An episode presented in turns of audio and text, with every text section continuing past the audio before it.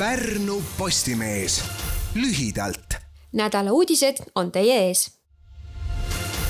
peagi täitub Pärnus jalgpallurite kauaoodatud unistus, sest juba varsti on neil võimalik treenida hiljuti valminud katuseaknaga sisehallis, kaitstuna vihma, lörtsi ja tormituulte eest loode Pärnusse püstitatud hall on eriline selle poolest, et sellel on suur katuseaken, mille kaudu paistab sisse looduslik valgus idee, et katusel võiks selline valgust läbilaskvast materjalist aken olla, tuli teiste riikide kogemusest.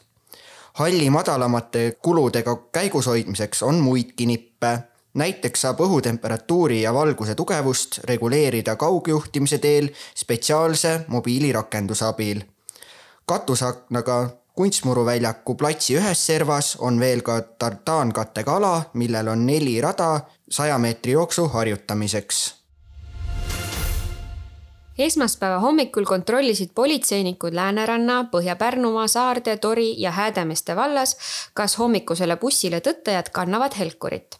umbes igal neljandal inimesel ei olnud helkurit ega ka mingit muud valgusallikat, et end nähtavaks teha peamiselt oli helkiv elupäästja puudu täiskasvanutel. laste ja noorte seas oli pilt märksa parem ja enamik neist kandis helkurit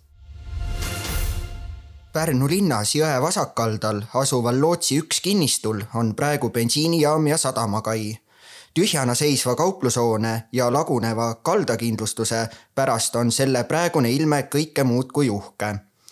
detailplaneeringu kohaselt on üle tuhande seitsmesaja ruutmeetrisele alale kavas ehitada hoone, kus asub kohvik, turismiinfopunkt ja avastuskeskus plaanis on säilitada autode tankla ja lisada tankur jahtlaevade teenindamiseks. samuti on kavas korrastada täbaras seisus kaldakindlustus ning ehitada jõe äärde promenaad Paikusel valmis spordiplats, kus saab tasuta mängida mitmesuguseid pallimänge, näiteks jalgpalli, korvpalli, võrkpalli, saalihokit, tennist. plats asub Paikuse kooli juures mullu renoveeritud rullapargi kõrval väljak on joonitud eri mängude tarbeks ja varustatud väravate, korvpallilaudade, tenniseseina ja võrgupostidega. platsi ehitus maksis üle saja seitsmekümne tuhande euro.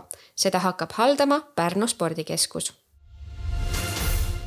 Pärnu Postimehe ajakirjanik ja fotograaf käisid sel nädalal tutvumas Pärnu täiskasvanute varjupaiga elukorraldusega, kus igapäevaselt saab peavarju kolmkümmend kuni nelikümmend elanikku ja ühes toas ööbib narivooditel umbes kaheksa inimest.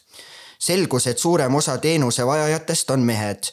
näiteks on praegult varjupaigas kolm kuni neli naist peamised põhjused, miks inimesed aga varjupaika satuvad, on erinevad sõltuvused ja suured võlad abivajaja saab varjupaigas elada seni, kuni ta suudab iseseisvalt edasi liikuda, näiteks korteri üürida. kõrgete üürihindade tõttu on see aga Pärnus väga keeruline novembris pakub liikumisaasta Aktiiv koos reketialade liitudega tasuta treeninguid lauatennise, squashi, padeli ja sulgpalli õppimiseks kuu jooksul toimub Eestis üle neljakümne tasuta avatud treeningu. Pärnus on kuuel päeval võimalik proovida padelit vast avatud keskuses Savi tänaval. selle nädala uudiste kokkuvõtte tõid teieni Karl Hütt ja Siiri Erala. kõiki uudiseid saab põhjalikumalt lugeda Pärnu Postimehe veebist. Kuulmiseni. Pärnu Postimees lühidalt